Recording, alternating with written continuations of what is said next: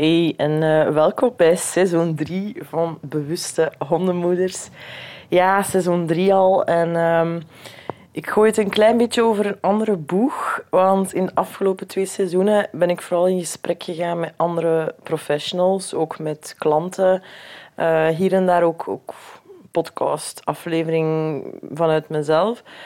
Maar uh, ik denk dat ik in dit seizoen iets meer mezelf wil gaan laten zien. Ik denk dat het zeker bij de opstart van de podcast nogal zoeken was van ja, hoe kan ik of in welke vorm kan ik vertellen wat er te vertellen valt of, of waar ik een boodschap over wil brengen. En ja, deze keer of dit seizoen wil ik echt wel um, dieper ingaan op, op wat ik zelf allemaal meegemaakt heb, de ervaringen die ik heb opgedaan met honden en ook als, als moeder zijnde dan om die weer meer te gaan omzetten in een verhaal. En vandaag wou ik met jullie een verhaal delen dat ik echt recent heb meegemaakt. Um, waar ik toch wel best van onder de indruk was. En het gaat over een, um, een consult dat ik gedaan heb bij iemand thuis, waarvan die mensen gevraagd hadden om een, ja, een opinie te geven. Een opinie over de toekomst van hun hond, met hun hond. En het ging over een, een, een herdershond die eigenlijk al een heel, heel voortraject heeft afgelegd als het gaat over zich aan te passen, te gewennen aan de mensen waar, waar zij terechtgekomen was. En er was nog één groot probleem, want los van het feit dat zij wel echt al een vertrouwensband had opgebouwd met die mensen, was zij naar vreemden toe ontzettend agressief. En nu heb ik al heel veel honden gezien in mijn leven. Dus ik ben daar ook wel mentaal op voorbereid. Um, ik heb daar ook duidelijke protocollen voor, als ik het zo moet noemen, hoe ik dan dat consult inga, hoe ik dat laat verlopen. Um, dat ik daar ook ten alle tijde de controle bij heb of over heb, uh, ook voor mijn eigen veiligheidsgevoel. En toch heeft dat wel wat impact nagelaten. Laat ik het zo zeggen, in heel mijn carrière van acht jaar ben ik um, drie keer gebeten geweest, denk ik, door een hond. Um, ja, drie situaties waarin, waarin dat ik zelf eigenlijk um, een beetje over mijn grenzen ben gegaan en een inschattingsfout gemaakt heb. Um, en ja, in een eerste keer was echt tijdens het spelen mijn hond. Dat was toen nog op de hondenschool, als ik nog training gaf op de hondenschool. En waarbij die hond heel veel moeite had met, met iets los te laten en eigenlijk meteen super, super fel in het speldrive ging. En ik wou die mensen laten zien hoe je dat spel eigenlijk um, rustiger kon laten verlopen. En op een gegeven moment, ik, ik had het touw vast waar dat die hond mee aan het spelen was en die hond was daarin aan het bijten. En ik, ik was aan het evolueren naar een, een los commando. En op een gegeven moment herpakt die een hond zijn beet. En in plaats van dat hij zijn tanden in dat touw zet, zet hij zijn tanden zo in het velletje tussen mijn duim en mijn wijsvinger. En ja, die was nog altijd trekspelletje aan het spelen. Dus op een gegeven moment scheurde dat eigenlijk bijna los door. Dat was denk ik mijn eerste bijtincident. Nog niet als, als gedragsdeskundige, maar als trainer toen. Een tweede situatie weet ik ook nog heel goed. Um, was bij een hond die ook heel veel moeite had met bezoekers. En ook daar had ik wel al heel duidelijk mijn, mijn, mijn protocollen van hoe dat ik dan bij mensen thuis kom als de honden echt heel gespannen zijn. En werd ik een beetje verrast door de situatie, uh, waarbij dat ik binnengelaten werd in de hal. En ik had niet verwacht dat die hond direct achter die deur ging staan. Dus uh, de mensen doen de, de, de, ja, de deur naar de woonkamer open. Die hond ziet mij staan en die... Ja, ik, had nog geen stap gezet of die vloog eigenlijk richting mijn borst. Die heeft echt letterlijk in mijn tepel gehapt. Gelukkig niet doorgebeten, maar echt gehapt. Blauwe tepel als gevolg. Maar goed, hè, dat, dat zijn zo situaties die je niet... Eén, je wilt dat niet triggeren voor, voor dat dier. Um, en twee, ja, uw adrenaline gaat ook omhoog op zo'n momenten, terwijl dat eigenlijk niet de bedoeling is, want ja, je moet nog aan een consult beginnen. Um, een derde bijtincident, en ook mijn laatste bijtincident geweest is, dan, uh, dat was op wandeling, een, een groepswandeling, een, een, workshop eigenlijk, Waarbij dat we met een aantal honden op stap gingen. Um, een van die honden was redelijk reactief naar, naar fietsers. En ja, ra, ra, ra, wat komt er plots op ons pad af? Een wielerpeloton. En ik was toen redelijk zwanger al, denk ik, van, van mijn dochtertje. Dus ik was al redelijk pomp af van die wandeling. En ik zie die wielertoeristen afkomen en ehm, ja, ik wist ook wat dat die hond ging doen, wat die ging doormaken. En uit, ja, ik denk dat dat toen een zorgrol was, een impulsieve reactie om die vrouw te gaan ondersteunen, om haar hond eigenlijk te gaan begeleiden in die situatie. En die hond heeft eigenlijk redirectie-agressie laten zien. En die, in plaats van dat hij de wielrenners hapte, hapte die in mijn been. Ehm, dus dat was ook een zeer zware inschattingsfout. Dus ook daar um, ja, trek je natuurlijk heel goede lessen uit. Nu, de situatie waar ik dan op consult was bij die hond, um, die redelijk intens agressie liet zien naar vreemden en waarvan ik echt wel duidelijk voor mezelf wel wat veiligheidsmarge inbouw. Um, ja, goed, we, doen, we doen ons gesprek. En op een gegeven moment zeg ik van... Oké, kijk, ik wil de hond zien in een situatie waar hij mij nog niet gezien heeft. Of zij, sorry, het was een teefje. Waar zij mij nog niet gezien heeft. Dus pak mijn camera en film de ontmoeting met jou. Hè. Dus als zij jou ziet, ze zat buiten... Um, dat ik haar kan zien in haar element wanneer zij omgaat met vertrouwenspersonen. En ze komen terug met dat filmpje en ik zie een heel... Um, onderdanige hond wel, die heel veel onderdanige signalen laat zien. Um, die ook best wel blij is van die mensen te zien. Dus je zag echt wel dat er al een heel goede band ontstaan was tussen die twee. En dan heb ik gezegd van oké, kijk, we gaan toch eens kijken wat die reactie is op vreemden. Ik moet ergens een inschatting kunnen maken om te kijken hoe we hiermee verder gaan. En uh, ik heb die mensen gevraagd van laat mij achterom de tuin in. Laat mij neerzitten bij jullie aan tafel. Uh, aan de tuintafel. En op dat moment wil ik dat jij je hond mij laat begroeten zonder leiband. Omdat ik ook de, de heel pure reactie wil zien. En wanneer honden aangelijnd zijn, zijn ze gerestricteerd gerestricteerd, hoe zeg je dat? Hè? Zijn ze beperkt in hun keuzemogelijkheden en laten ze ook vaak ander gedrag zien wanneer ze niet zijn aangelijnd. Dus ik wil die honden ook echt dat ze uit volle vrijheid um, ja, hun gedrag kunnen uiten ten opzichte van, van mij als, als vreemdeling. Maar ik had wel het gevoel van dit kan best pittig zijn. Dus ik had wel gevraagd om de muilkorf aan te doen. Die, die hij trouwens ook gebruikt op wandeling. Omdat, omdat ze op wandeling naar vrienden toe best ook wel um, vrij agressief gedrag vertoonde.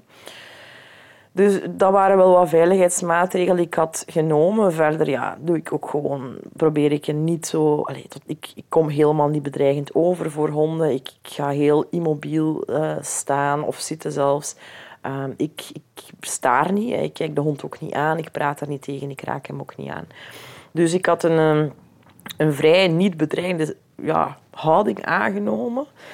Maar als ik die tuin binnenwandelde, had ik ergens wel een buikgevoel van... Het is een situatie die niet 100% um, ehm, veilig aanvoelt, desondanks de muilkorf. En die man had wel een klein beetje moeite met, met die muilkorf aan te doen, omdat hij natuurlijk, die hoorde mijn stem al in de tuin, dus die hond werd wel al een beetje zenuwachtig. En um, op een gegeven moment laat hij die hond vrij in de tuin. En eigenlijk heeft die hond instant beslist van niet veilig, niet oké. En is hij eigenlijk recht naar mijn hals gevlogen. En dan krijg je wel even zo'n een, een, reminder of een reality check van... Oké, mijn veiligheidsprotocollen zijn heel belangrijk. Um, dit zou echt wel eens heel fout kunnen afgelopen zijn. Um, dus ja, ik, ik, ik, wil vertellen welke impact dat, dat soms ook heeft op mij als gedragsdeskundige. Dat ik, ik zie op die video een hond die eigenlijk een heel goede relatie aan het opbouwen is.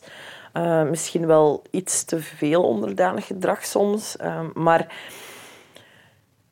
En dan zie je eigenlijk die hond die zich 100% onveilig voelt in de situatie waar hij aan blootgesteld wordt en die eigenlijk resoluut kiest om niet te onderzoeken, om niet uh, te observeren. Hè. Eigenlijk heel veel natuurlijk gedrag van honden om uh, wel even te alarmeren. Hè. Dus echt eerst te gaan blaffen. Om dan toch iets dichter te gaan komen of ontwijkend gedrag te vertonen om toch echt te gaan onderzoeken. Maar dat was er allemaal niet. Dus dat is ook wel even zo'n reality check van oké, okay, wow, um, dit bestaat nog, hè, sowieso. Um, dit had heel fout kunnen aflopen. En dan moest ik ook weer terugdenken aan die bijtincidenten die ik wel al meegemaakt heb in die acht jaar. Hoewel het er maar drie waren, waren ze er wel.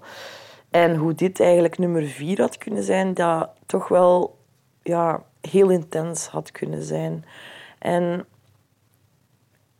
het is dan ook, het is dan ook wel de, de kunst, denk ik, om. Ik ben daar vrij rustig onder gebleven. Het was ook mijn keuze om dat op die manier te doen. Ehm, maar het is dan wel even terug naar oké, en, en, en wat nu? Hè? En die mensen zeiden ook van ja, we hebben al met, met de e-collar gewerkt, hè, met, met stroom, uh, met correcties. En we merken wel in sommige situaties dat die hond daar dan wel uitkomt. Um, en ik heb die mensen ook meegegeven van kijk, ik denk dat die hond een heel gelukkig leven kan hebben op de manier hoe dat hij nu leeft met jullie. In zijn gezin met jullie alleen. Ik ga niet heel de context uitleggen, want dat heeft geen zin. Um, en dan zijn er ook nog twee opties. Hè. Als, als zij dat echt heel belangrijk vinden voor hun en het welzijn van die hond om daar verder naar te kijken, ja, dan moeten we wel ook echt de basisfeiten erbij halen dat die hond instant een paniekreactie uit. En eigenlijk daarbij geen uh, onderzoekende houding meer aanneemt, eigenlijk ja, emotioneel heel impulsief is. Um, dan kan je daar de e-collar op zetten, de teletak, gelijk dat we dat zeggen in de volksmond. Maar dat risico neem ik niet. En ik denk dat er zijn wel collega's dat dat doen.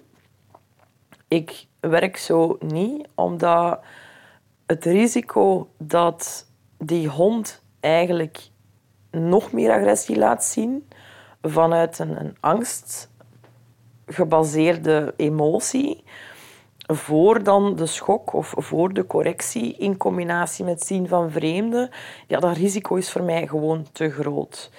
Um, zou het hem kunnen helpen? Ja, misschien wel. Ik heb ook tegen die mensen gezegd van als jij die route wilt kiezen, dan, dan is dat jouw volledige vrije keuze. Maar ik neem dat risico niet. Ik zie twee opties. Dat is zijn wereld houden zoals... Oh, sorry, haar wereld. Haar wereld houden zoals die vandaag is dan, dan heb je echt een gelukkige hond. Ehm, of we gaan kijken hoe we in, ja, toch wel al een keer kunnen gaan diagnose stellen of dat dit echt wel een, een, sociaal, een sociale beperking is, een sociale, ja, een sociale gedragsstoornis. Gezien haar voorgeschiedenis was dat vrij ehm, realistisch dat dat het geval is. En, en kunnen we haar daar nog in gaan ondersteunen, ja of nee? En op die manier heb ik die mensen ook alle ruimte gelaten om daar zelf een keuze in te mogen maken. In, in welk pad dat ze daarop gaan. En ik denk dat dat ook gewoon het belangrijke is aan bewust bezig zijn met hondengedrag, bewust ouderschap, is om echt gewoon te informeren wat zijn de opties allemaal, zodat iedereen zich zijn eigen keuzes daarin kan maken. Net zoals dat wij um, met onze kinderen doen. We hebben gezien hoe dat onze ouders het deden, hoe dat onze grootouders het deden. We zijn zelf opgevoed geweest. We zien ook de nieuwe technieken of de nieuwe stijlen, laat het mij zo zeggen. Er komt ook heel wat wetenschappelijk onderzoek bij, uh, waar dat je eigenlijk al je informatie kunt halen. En, en daaruit maak je de puzzel in...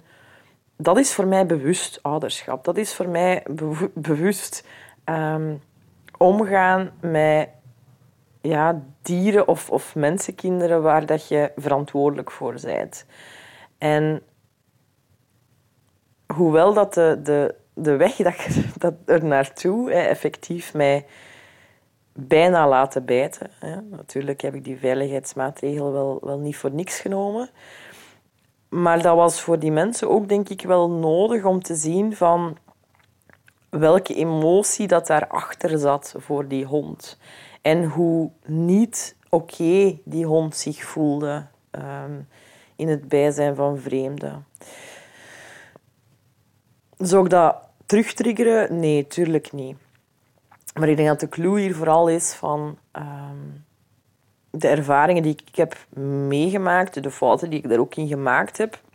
Ehm, voor mij is het vooral belangrijk om eigenlijk alles op een rijtje te kunnen zetten voor mensen, zodat zij zelf daarin bepaalde opvoedingskeuzes kunnen maken.